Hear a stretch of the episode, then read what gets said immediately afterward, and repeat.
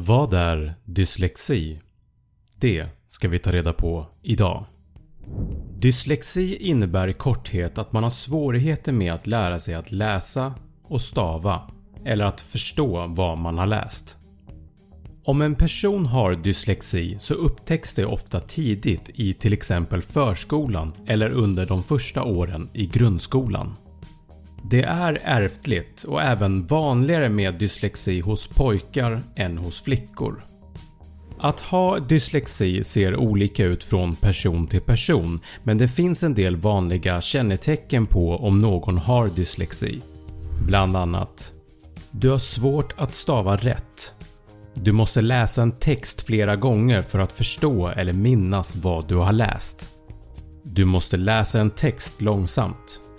Du hakar upp dig på orden i en text eller läser fel. Kanske till och med hoppar du över att läsa vissa ord. En del personer har mer problem att skriva än att läsa en text. Vissa med dyslexi kastar om bokstäverna i ett ord när de skriver och andra missar att skriva med stor bokstav i början på en mening. Att ha dyslexi har ingenting med ens intelligens att göra.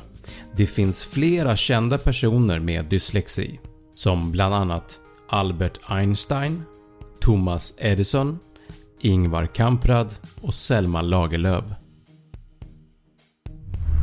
Faktum är att mellan 5-8% av alla människor har dyslexi.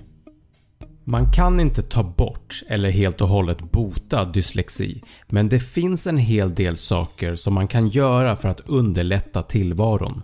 Man kan till exempel använda sig av en dator med ett rättstavningsprogram och man kan även använda sig av ett läslinjal för att följa en text lättare. Att lyssna på ljudböcker är också en väldigt bra hjälp. För att undvika svårigheter i skolan så är det viktigt att man får hjälp tidigt av till exempel en logoped eller en speciallärare som kan göra en dyslexiutredning.